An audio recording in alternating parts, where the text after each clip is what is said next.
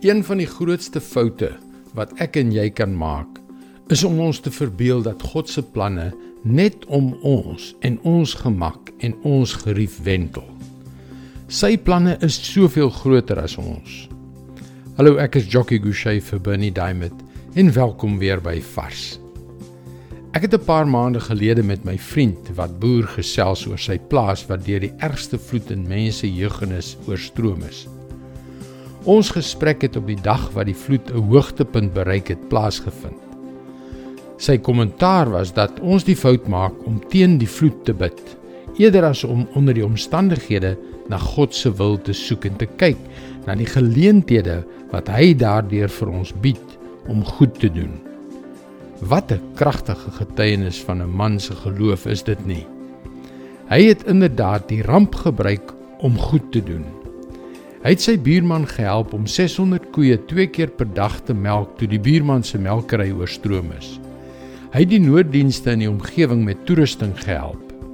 Hy het selfs vroeg op Kersoggend in sy klein bootjie gespring om die dominee aan die oorkant van die rivier in volle vloed te gaan haal sodat hulle hul Kersdiens kon hou.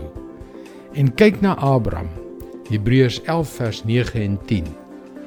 Omdat hy geglo het, het hy in die beloofde land gaan woon 'n vreemdeling in 'n vreemde land. In tente het hy daar gewoon en so ook Isak en Jakob wat saam met hom erfgename van dieselfde belofte was. Want hy het uitgesien na die stad wat vaste fondamente het en waarvan God self die ontwerper en bouer is. Abraham het op 'n onsekere en ongemaklike reis van 25 jaar na die beloofde land gegaan. Maar hy was al lank al dood toe Jerusalem eers eeue later gebou is. Dis sy woord vars vir jou vandag. Ja, alles draai nie om jou nie en soos jou kinders jou nie altyd verstaan nie, verstaan ons nie vir God nie. Jy kan gerus laat weet as daar enige onderwerp is wat jy graag wil hê ek moet aanspreek. Gaan na teachingtopics.org. Skakel weer môre op dieselfde tyd op jou gunstelingstasie in vir nog 'n boodskap van Bernie Diamond. Seënwense en mooi loop.